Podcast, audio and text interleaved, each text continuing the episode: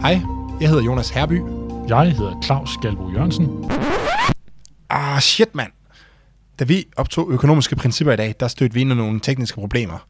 Det betyder for det første, at der er et, en del af Claus' lyd, der mangler midt i øh, optagelsen, kun et minut. Øh, Men jeg har løst det ved at så tage lyden fra min mikrofon og forstærke den, så man kan høre, Claus siger. Øh, Men, men lyden er relativt dårlig, øh, lige det der ene minut der. Og så missede vi også Claus, eller vores åbning, øh, hvor jeg normalt spørger Claus, hvad er du med til os i dag? Og så indleder Claus med at sige, at vi skal snakke lidt om øh, valg, men inden vi kommer dertil, skal vi selvfølgelig skal vi lige snakke lidt om øh, inflation og, øh, om, og nogle misopfattelser, der er af årsager til inflation. Men vi prøver lige forfra, og nu kommer det altså så med den her lidt pludselige start, øh, og den her lidt dårlige lyd. God fornøjelse. Hej, jeg hedder Jonas Herby. Jeg hedder Claus Galbo Jørgensen. Velkommen til Økonomiske Principper.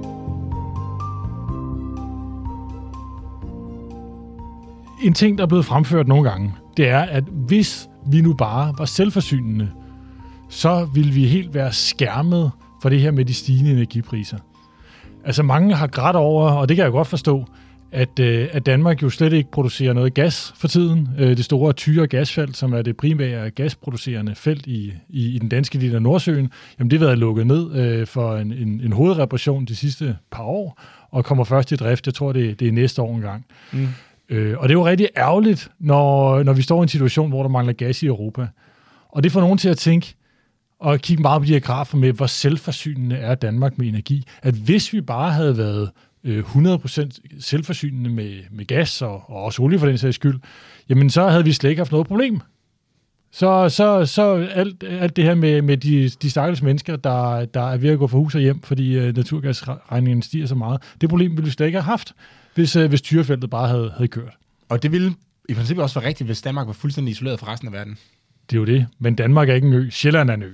Men uh, Danmark er Stadig, ikke men en ø. stadig koblet op på resten af verden. Ikke? ja, heldigvis. Øhm, og, øhm, og det betyder jo, at, øh, at vi lever altså ikke i vores egen lille verden her. Vi er jo en del af et større samfund. Og, og, og de ting, der sker ude i verden, de påvirker altså også Danmark, øh, uanset om vi, om vi selv producerer gas eller ej. Mm. Jeg må sige, hvis man prøver at bringe det helt ned på jorden, så, øh, så svarer det lidt til, hvis du, er, hvis du har en skov, ja. Ja. og du sælger nogle brændetårn hvert år, og nu kommer der sådan en her krise, og nu har jeg selv været ude og købe brænde, og det er altså øh, cirka tredoblet i pris siden øh, sidste år. Men så betyder det ikke, at det, at det at, altså bare fordi du er selvforsynende, fordi du har din egen skov, at så er det gratis for dig at så brænde, Nej. brænde af. Øh, For hver gang du brænder af brændetårn, så vil du alternativt kunne have solgt det øh, til mig, for eksempel for 6.000 kroner. Øh, så det koster dig altså 6.000 kroner at brænde det her brændetårn af. Også selvom du er selvforsynende. Og det er jo lidt det samme, som der er med, med gasfeltet. Altså med tyre, selvom det havde været åbent, jamen, så er det stadigvæk, så priserne har stadig været høje, fordi der var stadig mangel på gas i Europa. Ja, vi kunne have solgt det øh, til, til, til tyskerne, der i den grad mangler gas, øh, til, til den europæiske gaspris, som jo er høj. Så hvis man så af en eller anden grund øh, ville, ville øh, øh, ved det, øh, lukke luk gasledningen af nede ved Dannevirke, jamen så, øh, så, så- så ville det jo have, have, have kostet, øh, eller så ville det have været et stort tab ved, at vi, vi solgte det billigt i Danmark, i stedet for at sælge det dyrt til de trængende tyskere. Ja, man kan sige, at det var, det var gået til noget...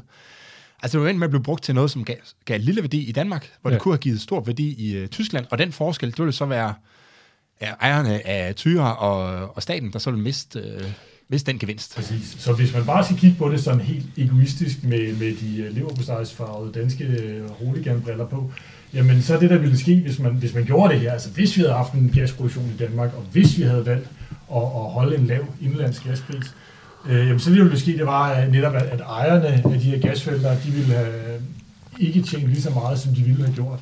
Og dermed også de danske skatteborgere, der får en andel af de indtægter, de ville ikke have fået de indtægter. Men i det lidt bredere perspektiv ville det også, sådan set også have været hammerne usolidarisk og, og hammerne ineffektivt, mm. øh, som du siger, at, øh, at, at bare sidde og brænde al gassen af herhjemme selv, også til folk, der måske godt kunne have skruet ned til, til 19 grader, men så vælger de at holde 21 grader, mens de så ville sidde syd for grænsen og, og måske dårligt nok kunne, øh, kunne få strøm i deres stikkontakter, øh, så de kunne holde køleskabet kørende. Øh, så så altså, det, det her med, at man, at man kan lukke af for handel, det er, øh, øh, det er noget, der har nogle meget, meget store konsekvenser. Mm. Øh, både for, for en selv, kan man sige, men jo også for ens handelspartnere. Ja, ja så, man kan sige, så man kan sige, at for det første, er der ikke rigtig noget, der tyder på, at det er en god idé. Fordi som Danmark som helhed vil jo miste indtægten ved at sælge gassen dyrt. Ja. Det vil selvfølgelig lave en omfordeling internt i Danmark, ja. men samlet set vil det være dårligt for, for Danmark. Ja. Det andet, man skal huske på, er også, at altså, i mange andre tilfælde er Danmark jo meget afhængig af øh, udlandet. Altså når vinden ikke blæser hjemme, så er vi jo afhængige af at importere strøm fra, fra udlandet. Så hvis det ligesom blev sådan en at sige, okay, men fint, så er alt, så lukker vi Danmark. Altså, så, så bliver vi en ø. Så vil vi få meget, meget store problemer på andre tidspunkter. Ikke? Lige præcis, og med andre ting. Altså, så vil vi jo risikere at havne i en verden, hvor alle er sig selv nærmest, øh, og hvor øh, øh, ja, man ikke kigger længere væk end i næste og det er jo i den grad på vej. Øh, apropos valget, det er der jo nogen, der har, der har fremført det synspunkt, at, at nu handler det om danskerne. Øh, også det, man har set det, det italienske valg for eksempel, hvor dem, der vandt dernede, jamen det var jo lige præcis med en meget, meget snæver italiensk mm. øh, hvad skal vi sige, interesse, de har fremført og vundet valget med. Jeg har en anden øh, med. Øh, vi er jo lidt ude sådan nogle, øh, hvad kan forklare øh, høje priser øh, og inflation. Og jeg, jeg har set flere steder, at folk kan nævne sådan lidt, at, at inflationen skyldes, at virksomhederne de er grådige. Så når... Øh, så de sætter priserne op, og det fører jo så til højere øh, priser selvfølgelig. Mm. Øh, og der er bare et problem der ved den forklaring. Det er, at virksomheder har altid været grådige. Ja, grådighed kan forklare rigtig mange ting. Det er der ingen tvivl om. Grådighed er ekstremt vigtigt, øh, det, og det forklarer rigtig meget af, hvad der sker på markederne. Mm. Det er styret af ja, et ord for det er grådighed, noget andet det er, at man øh, forsøger at tjene nogle penge til dagen og vejen. Man maksimerer sin profit, ikke? Man altså, maksimerer, sin, de maksimerer profit. Ja, man kan kalde det mange ting. Øh, grådighed øh, er, er jo sådan et, et lidt negativt lavet ord, men, men, men man kan også bare sige, at man, at man prøver at tjene nogle penge til sin familie, så man kan have det godt derhjemme. Mm. Ikke? Og helst så mange penge som muligt. Ja. Ja, og problemet er selvfølgelig, at grådigheden, altså inflationen, det er noget, der har ændret sig lige pludselig. Vi har haft en lang periode med ja, cirka 1% inflation, og nu har vi lige pludselig omkring de 10% inflation. Så der er sket et eller andet skift, og det, der ikke er skiftet, det er grådigheden. Den har været den samme cirka. Ikke? Altså, jeg har i hvert fald ikke set nogen øh, som helst indikationer på, at grådigheden skulle være steget en, en faktor 10, eller hvad man nu skal sige. Mm. Øh, det, det, det tror jeg ikke, der er nogen som helst belæg for. Og det, der, det, der er sket, det er, vi har været lidt inde på det, ikke? det er jo, der er opstået mangel på nogle, øh, på nogle varer. Øh, blandt andet øh, gas, og når der er mangel, jamen, så stiger priserne. Ja. Øh, fordi og, og, og fordi, man, fordi ja. markedet prøver på at finde ud af, hvor giver det her mest øh, værdi, den her mm. gas her. Og det er dem, der hvor det giver mest værdi, det er jo dem, der vil betale mest for gassen. Ja. Og, og når vi taler inflation, så er det også den her kombination af, af mangel, øh, kombineret med en meget stærkt stimuleret efterspørgsel, mm. øh, som er, er, er stimuleret af, af, af meget store... Øh, hvad hedder det, øhm, øh, øh, ekspansiv finanspolitik, altså, altså en offentlig sektor, der, der gerne vil bruge rigtig mange penge, uden øh, nødvendigvis at finansiere det, og det finansierer man så jo gennem centralbanker og andet, som gør, at man har den der, fastholder den der meget, meget store efterspørgsel, samtidig med, at der er jo, der er jo sket en, et fald i udbuddet øh, på grund af, af krig og andre ting. Mm-hmm. Øh, stigende priser. Og man kan sige, ligesom ham skovejeren, vi var inde på øh, før, så er det jo altså, hvis man sidder med en skov, øh, så, så, er man, så er det jo rigtig godt, at der opstår mangel på gas, fordi så kan man jo sælge sit træ meget, meget øh, dyrere, øh, mens dem, der bruger øh, energien, jamen de, de taber jo på det, ikke? Så der er nogle store omfordelingseffekter af det. Men det skyldes altså ikke, at virksomheden er grådige, at vi får det her. Det, her. det har de altid været. Det skyldes simpelthen, at der er en mangel på, øh, på visse altså at de energipriser, det skyldes, at der er mangel på, øh, på visse energiformer, og, og så, så stiger priserne. Ja, ja, præcis. Yes. Jeg har en, en mere faktisk i samme. Øh, jeg ved ikke, om øh, jeg sendte den til dig i går. Øh, jeg ved ikke, om du læste den. Jo, ja, ja lad, prøv at læse den op. Jamen i virkeligheden, så er det en, så er det en, en, en person i historien handlede i virkeligheden om, at der var en, der forsøgte at købe nogle træpiller i udlandet, og så var han så blevet snydt for 700.000 kroner, tror jeg det var. Øhm, og, øh, og det, det førte så til en masse debat. Det, på, det er ret mange træpiller, han, han har købt, tænker jeg, hvis han er blevet snydt for 700.000 kroner. Ja, men ideen var jo også, at han ville sælge nogle af dem videre. Ah. Øh, og, øh, og det har så ført til en del debat. Der er nogen, der... Altså, der er noget, der handler om det der med, at han var også dum at gå i, og så blev snydt. Øh, men noget af det handler, handler så også, at, øh, at folk var... Altså, der har en konkret kommentar, hvor de siger, at han, at han gjorde det af ren spekulation, da han så muligheden for at tjene penge på øvrige danskere. Altså, som om, at han har gjort noget øh, dårligt. Og det her, det er jo lidt... Hvad siger, alt det, vi ser rundt omkring i samfundet, det er jo øh, baseret på, at der er nogen, der prøver på at tjene penge på danskerne. Ja, yeah, det er jo det. Altså, når, når din lokale øh, ved det, øh, øh, kaffebar øh, åbner et eller andet nyt lille smart øh, café latte øh, udsalgssted, så er det fordi... I de københavnske salonger. I de københavnske salonger, ja. Jeg køber faktisk meget lidt af den slags. Øh, et eller andet bæredygtigt alternativ, så er du altså i, i meget ofte også drevet af, at du skal tjene penge på de andre mm. danskere. Altså, jeg, jeg er næsten sikker på, at når pædagogerne nede i mine børns øh, børnehave går, i, øh, går på arbejde, så er det for at tjene penge på, ja, på danskerne. Ja. Ja. ja. Så der er altså ikke noget som helst galt det her. Det, man faktisk kan sige, det er, at ham her, han forsøgte jo rent faktisk at løse et problem. Altså, der er stor mangel på træpiller. Han tænkte, jeg kan måske importere nogle fra udlandet og sælge dem videre til, til danskerne, så han faktisk løse en masse danskers problem. Jeg ved, at mine forældre, de har svært ved at få, øh, få træpiller, fordi de er simpelthen udsolgt øh, ja. mange steder. Øhm, så han kunne løse nogle danskers problemer. Og, og, og så er markedet, ja præcis, og så markedet jo så snedigt indrettet, at når man løser andres problemer, så har, har markedet det med at belønne folk, der gør det, med at man tjener nogle penge undervejs. Og det er jo sådan set ret smukt, at, øh, at hvis du hjælper andre at løse deres problemer, jamen, så bliver du også belønnet for det. Mm. Ja, jeg kan sige, alle, sådan, alle vinder på en handel, ikke? Både ja. køber og sælger, ja. øh, for ellers ville, de ikke være, ellers ville de ikke gøre det. Det er jo sådan, det fungerer. Problemet er, jeg synes, det her det er lidt en generel... Altså, man, man ser jo rigtig mange steder, vi kommer også til at se det masser af gange i valgkampen, jeg er næsten 100% sikker på, at, øh, at den her om, at spekulation er noget dårligt, øh, mm. det har fået sådan et negativt udtryk, og, og det er det altså man kan sikkert godt finde nogle eksempler, hvor det er dårligt, men, øh, men generelt er det jo gavnligt for samfundet, at der er nogen, der forsøger at sige, okay, der er for mange træpiller herover, der er for få herover.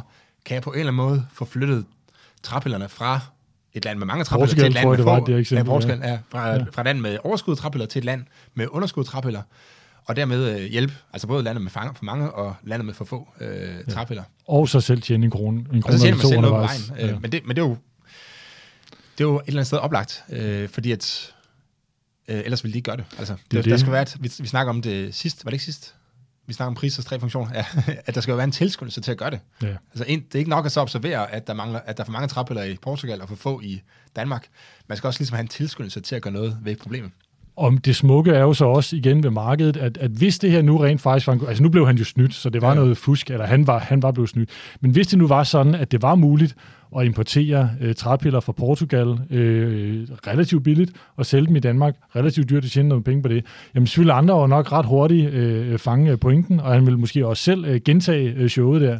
Og det vil, øh, de vil de gøre øh, indtil øh, et eller andet punkt, hvor, hvor man ikke længere kan tjene så meget på det her længere. Mm. Altså det vil sige, hvor priserne i Danmark så vil begynde at falde, fordi lige pludselig er der en masse, der så vil hente træpiller hjem fra Portugal, så vil priserne falde i Danmark, omvendt vil de stige lidt i Portugal, mm. indtil man når et eller andet punkt, hvor, hvor den der forretning ikke er helt så attraktiv længere. Og, og, og, og det, vil jo være, det vil jo være godt. Det er jo, det, er jo, det er jo lige præcis det, man gerne vil opnå, når man handler. Altså man kan i bund og grund kan man sige, at han løb med, han løb med risiko, ikke? Ja. Øh, og forsøgte at se, om han kunne tjene nogle penge, og der er jo en risiko ved alle forretninger. Heldig blev han snydt. Ja. Øh, men ja, der kunne også ske alle mulige andre ting, ikke? men øh, i bund og grund, så han forsøgte at tjene penge, ja. men han er med at tabe penge. Så, så, er, så vi, vil, vi vil herfra så, så noget ros til vores øh, træpillespekulant her. Øh, han, han fortjener mere ros, end han fortjener ris, det er helt sikkert. Øh. Helt enig, helt enig. Det bringer os direkte videre til dagens uh, bummert, Claus. Ja. Uh, jeg læste en uh, artikel i Politiken, om, øh, som har, øh, som først havde øh, overskriften af spekulation driver fødevarepriser i hvert. Øh, og det var nogle, øh, det var miljø, Miljøorganisationen NORA, som har fået lavet en rapport, øh, hvor de øh, problematiserer øh, spekulation, og ligesom siger, at det er spekulationen, der har ført til de her prisstigninger. Og det skal lige understrege, jeg har ikke læst rapporten, øh, så det her det er alene baseret på artiklen, og den kan jo være fremlagt anderledes end det, der står i, i rapporten. Øh, men vi er lidt inde i samme boldgade, at det her, det er, det bliver fremstillet som om spekulation er et problem. Øh, men typisk løser spekulation jo problemer. Øh, og en af de ting, der kunne, kunne for eksempel være sket, det er, at man... At, øh, altså på nogle markeder, der tilbageholder man fødevarer, fordi der er opstået mangel på, på fødevarer på et andet marked. Ikke? Mm. Så noget af det her øh, ved fra Ukraine, der skulle have været i, øh, i Afrika, det har skabt et, en mangel, en, en akut mangel på hvede i Afrika, og det kan jo føre til, at der er nogle spekulanter, nu siger mm. det anfølgelsestegn, ikke? der er tilbageholdt ved på andre markeder, for at se, om de kunne få det transporteret til Afrika og løse det akutte problem dernede. Ikke? Ja, og det ser selvfølgelig ubehageligt ud, hvis du er i det land, øh, hvor de her fødevarer i går som bliver tilbageholdt. Altså hvor man i stedet for at sælge dem i, i det land, hvor man normalt ville mm. sælge dem, så putter dem på et lager og, og, og, og prøver at få dem sendt afsted til, til Afrika for eksempel. Ja, for nu stiger fødevarepriserne her. Ja, ja. præcis. Ikke? Men, men det er jo sådan set fuldstændig den samme øh, mekanisme, vi, øh, vi er ude at snakke om, som, øh, som, som det, det, det, vi talte om før med, med, med de her træpiller, og med tyrefeltet, ja, lige præcis. At, at, at der er nogle, nogle, nogle driftige købmænd, kan vi også kalde dem, øh, som, som forsøger at flytte rundt på varerne efter, hvor de mest efterspurgt. Mm. Og, og, og der vil faktisk øh, gøre noget godt øh, mm. imens. Igen, vi skal jo ikke afvise, at der er brødende kar i det her, øh, i det her trade. Det er der helt sikkert. Men, øh, men at, at, at sige, at, øh, at inflationen og, og stigende fødevarepriser i øvrigt primært skyldes øh, spekulation, det, det, det har jeg meget svært ved at, ved at tro på, kan være, være den, den, den største forklaring. Ja, jeg, jeg vil sige, der er større sandsynlighed for, at spekulation sikrer, at, altså, at man ikke har sådan nogle meget, meget høje fødevarepriser i nogle meget små områder. Ja, altså, altså, spekulation er er sikkert, det, jeg, jeg vil sige, det er lidt ligesom, hvis du fjerner en kop vand fra en spand, så vil der opstå et meget stort hul. Ja. Øh, men spekula- altså tyngdekraftens spekulation, man skal sige, det vil jo sørge for, at det her ligesom bliver fyldt ud, det hul her, og så til sidst jævner sig ud, så vandet er helt fladt over det hele. Ikke? Øh, og det er jo lidt den samme kraft, man ser i, øh, altså i markedskræfterne. Nu kalder vi det spekulation, men det er jo virkelig bare en markedskraft, som sørger for, at hvis der er et pludselig opstået hul et eller andet sted i markedet, jamen så forsøger folk, eller markedet, markedskræfterne, øh, at få udjævnet det her øh, Ja. hul her, sådan at i stedet for prisen stiger enormt meget et sted, som mangler et øh, skib fra Ukraine for eksempel, mm. jamen så stiger den en lille bitte smule øh, overalt. Og, og nu snakker vi om spekulation eller handel øh, på tværs af steder, men det kan også være på tværs af tid. Altså at man, at man opkøber noget korn nu, fordi man forventer, at der bliver stor mangel på korn om tre måneder for eksempel. Mm. Så lad os nu Eller sige, næste år, fordi der ikke bliver sået korn Eller i, næste i år, Ukraine. fordi... Ja, ja, ja, ja præcis. Ikke? Øh, så, så, så det kan jo også være en af, af, af de ting, som, som kan, kan virke forkert. At hvis man står i en situation, hvor priserne er høje, at der er så nogen, der, der, der opkøber korn og putter det på lager, øh, i stedet for at sælge det til folk. Men, men, men, men ligesom der, som vi snakker om, der kan være gevinster ved at, at transportere øh, korn mellem forskellige lande, eller forskellige regioner, eller verdensdele, jamen så kan der være de samme øh, gevinster ved at, at flytte korn på tværs af tid, hvilket man kan gøre ved at putte det på et lager. Øhm, og, og ja, det, det, kan, det kan jo virke frustrerende, hvis man står i en situation, og, og, og, men, og kornpriserne er høje, fødevarepriserne er høje, og man kan se, at der er nogle store lager, der er fyldt med korn, som man ikke vil sælge. Men, men, men det kan jo netop være drevet af en, af en motivation om, at man forudser, at manglen vil blive endnu større i fremtiden. Mm, mm, mm. Og, og det forsøger man så at tjene en krone på, men samtidig vil man så også gå ind og, og afhjælpe et endnu større problem i fremtiden. Lige præcis, lige præcis. Grunden til, at jeg synes, at den her det bliver til, til bummerten øh, i forhold til mange af de andre ting, det er noget af det andet, vi har snakket om med grådighed og sådan noget. Det, det er ting, som jeg har set på sociale medier mest. Altså den der med ham der med træpilleren, det var en kommentar, der var på Facebook. Ja, det var Øh, faktisk ikke selve den avisartikel, vel? Det, de ubehagelige kommentarer, han havde fået, det var på sociale medier. Lige præcis. Men den her, det er, en, det er altså en artikel, der blev skrevet i, øh, i politikken, øh, og der er en af dem, som bliver citeret, det er, det er så en fra en, øh, en, en organisation, der hedder IBES, øh, som er det internationale panel af eksperter i bæredygtige fødevaresystemer. Hun, hun bliver citeret for at sige, det siges, at finansmarkedet drives af frygt og grådighed. Ønsker vi virkelig, at fødevarepriser påvirkes af de følelser? For mig, der signalerer det, at det her, det er ikke en... Øh, altså sådan nøgt, nøgtern øh, faglig analyse af, hvordan markedet fungerer. Øh, der er også noget, politisk bias bag, noget ideologi øh, bag, ikke? Godt, vi må øh, videre til dagens øh, hovedemne, Claus, Ja. øh, som jo er relativt vigtigt øh, her i valgkampen. Ja, vi havde lovet at komme lidt tilbage til valget. Medianvælgeren. Ja. Hvad er medianvælgermodellen? Det øh, kan man forklare meget simpelt, og man kan også øh, forklare det meget øh, avanceret. Men i den, lad, lad, os, lad os tage den, den meget simple udgave. Lad os forestille os, at man har et system, øh, lidt som det amerikanske, hvor der er øh, to, øh, to partier, øh, eller to kandidater, man kan stemme på, og, og, og vinderen tager det hele. Øh, Det, det er vinderen, den, der, den øh, kandidat eller det parti, der får øh, over 50 procent øh, af stemmerne, får lov til at bestemme og får de øh, gode poster og ministerposter, hvad ved jeg. Mm-hmm. Så winner takes it all. Øh, hvis øh, man som politiker øh, godt kan lide at blive valgt, øh, og godt kan lide at bestemme, og måske ovenikøbet også gerne vil, øh, vil, vil, vil have et, et godt fast job, eller mere eller mindre fast job som, som minister eller lignende, så vil man altså rigtig gerne vinde. Så er det en, en stærk motivation, udover at man selvfølgelig også øh, har nogle, øh, nogle ønsker om, hvordan samfundet, samfundet skal indrettes. Øhm, så, så, så, så man vil være, man vil sigte efter at, at få de her mindst 50 procent af stemmerne. Hvordan kan man så sikre det?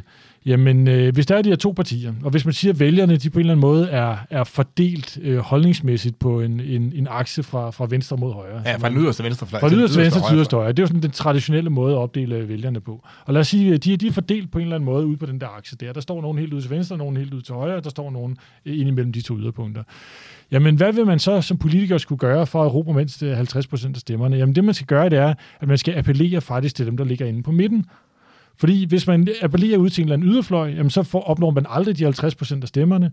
Øh, for at opnå de 50 procent af stemmerne, så skal man måske så skal man lægge sig lige ind, om, lige ind omkring midten. Sørge for, hvis man er et venstreparti, at man får alle dem med til venstre.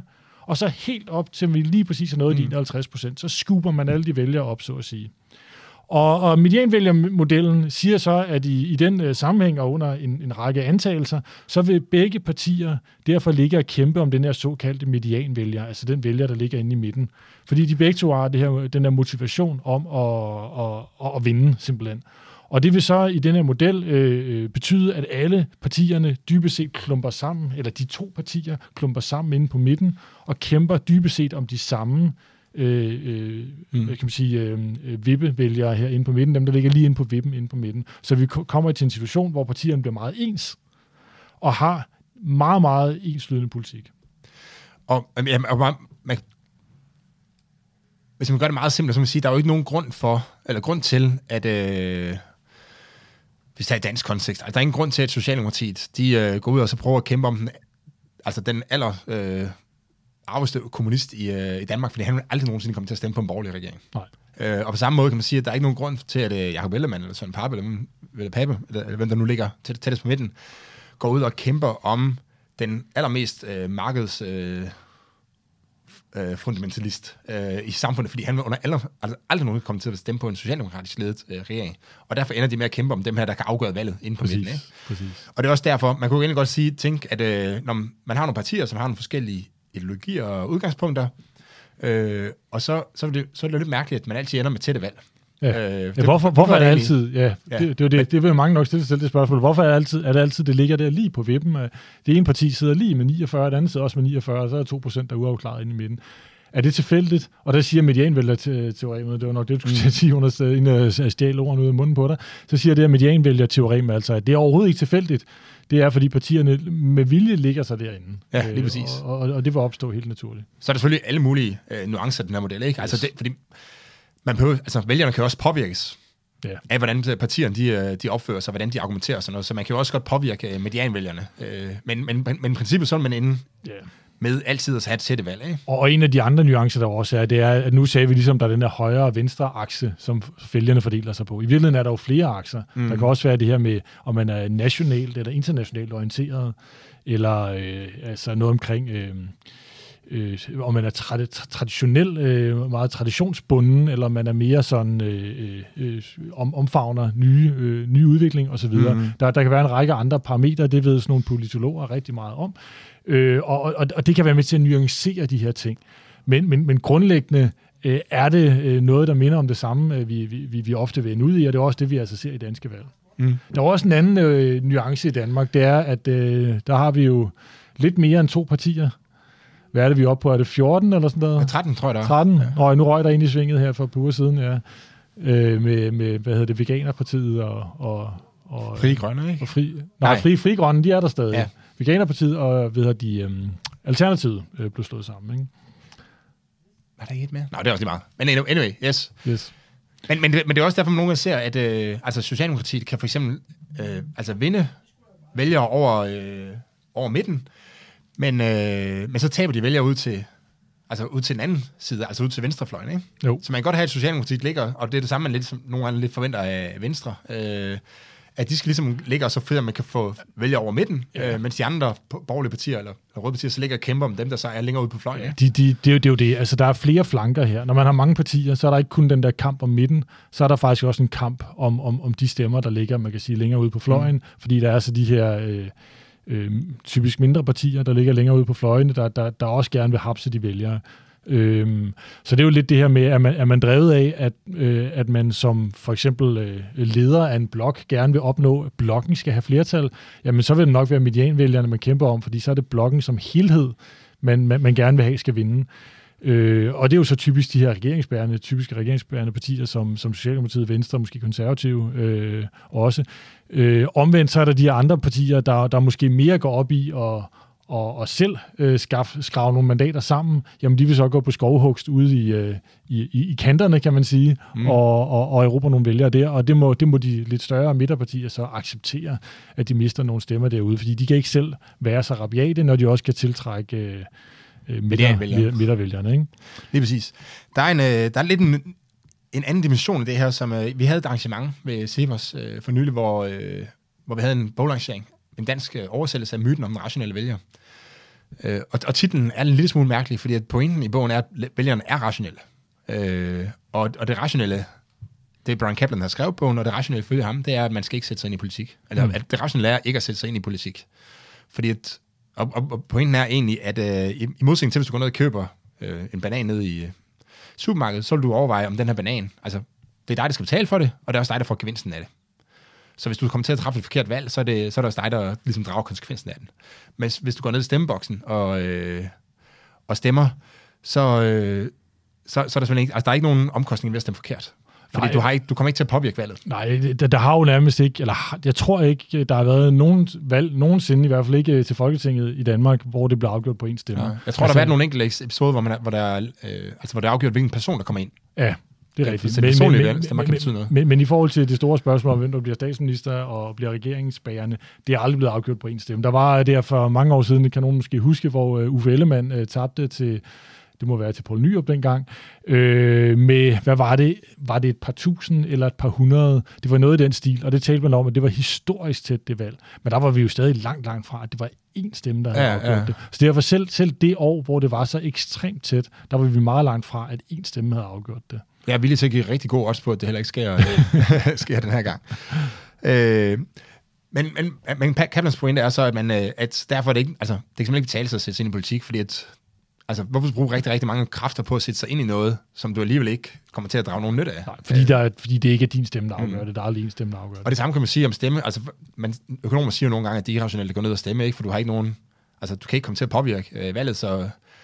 Men, men til gengæld er der en risiko for at blive kørt ned på vej ned til stemmeboksen, så derfor burde du egentlig blive hjemme. Ikke? Men der er selvfølgelig masser af andre grunde til, at man går ned og stemmer. Øh, det er jo en festdag, og folk Det- snakker om det. Og, Det er jo det. Det er jo en festdag, og det er også det her med at hvad skal vi sige, noget, noget glæde ved at føle, at man bidrager til demokratiet. Det er de fleste Mhm. mennesker, tænker jo heldigvis øh, netop ud over deres egen næstip, som vi snakkede om før.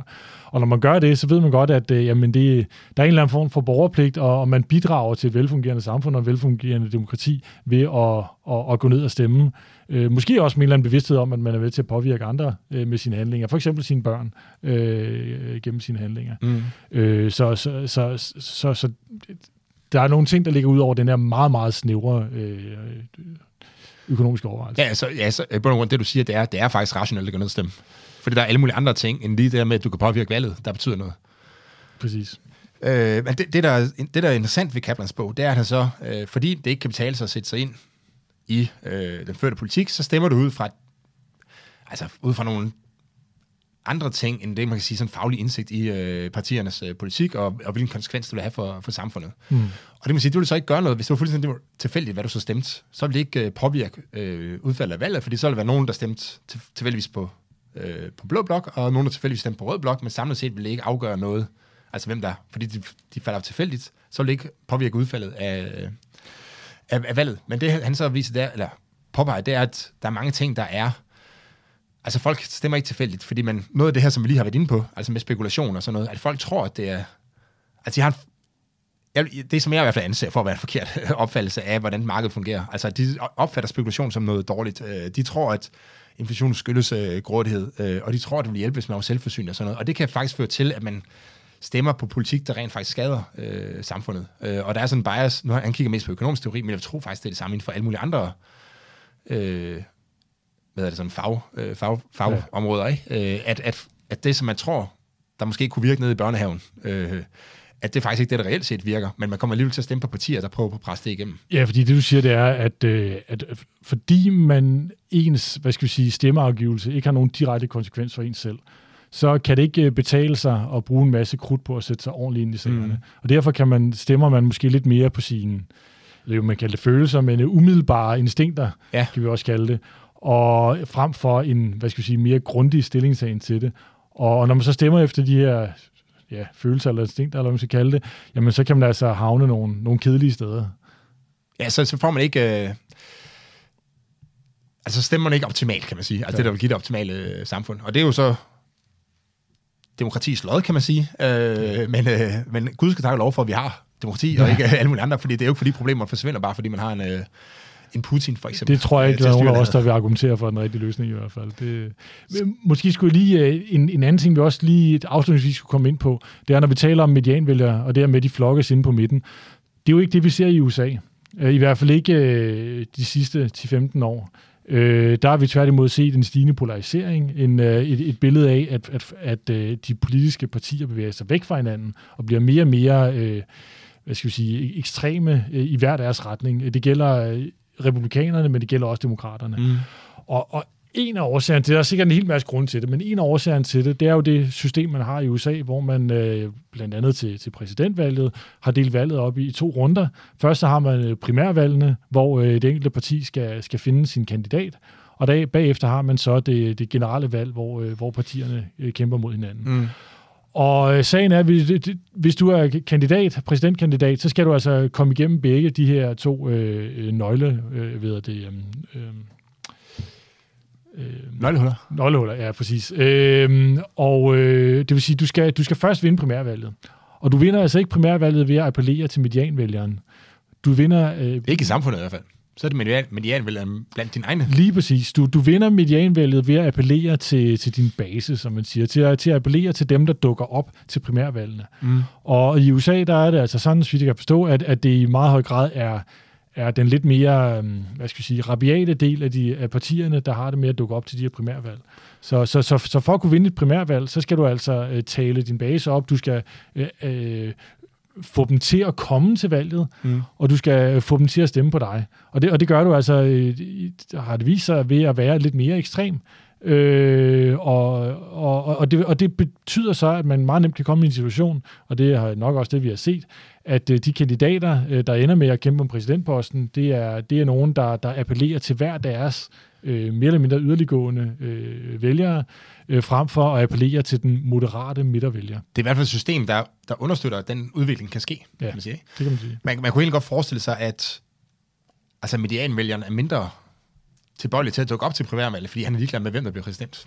Altså han, han er mere, det, det, det er ikke så vigtigt for ham, om det bliver en demokrat eller en republikaner, fordi han ligger inde, hvor sådan kan se lidt godt på begge sider af. Så, så dem, der dukker op til primærvalgene, de vil være dem, der, der virkelig synes, at det er vigtigt, at vi får en republikansk øh, præsident, for eksempel, eller virkelig synes, det er vigtigt, at man får en demokratisk præsident. Og derfor vil man få en tendens til, at det trækker længere ud mod, ja.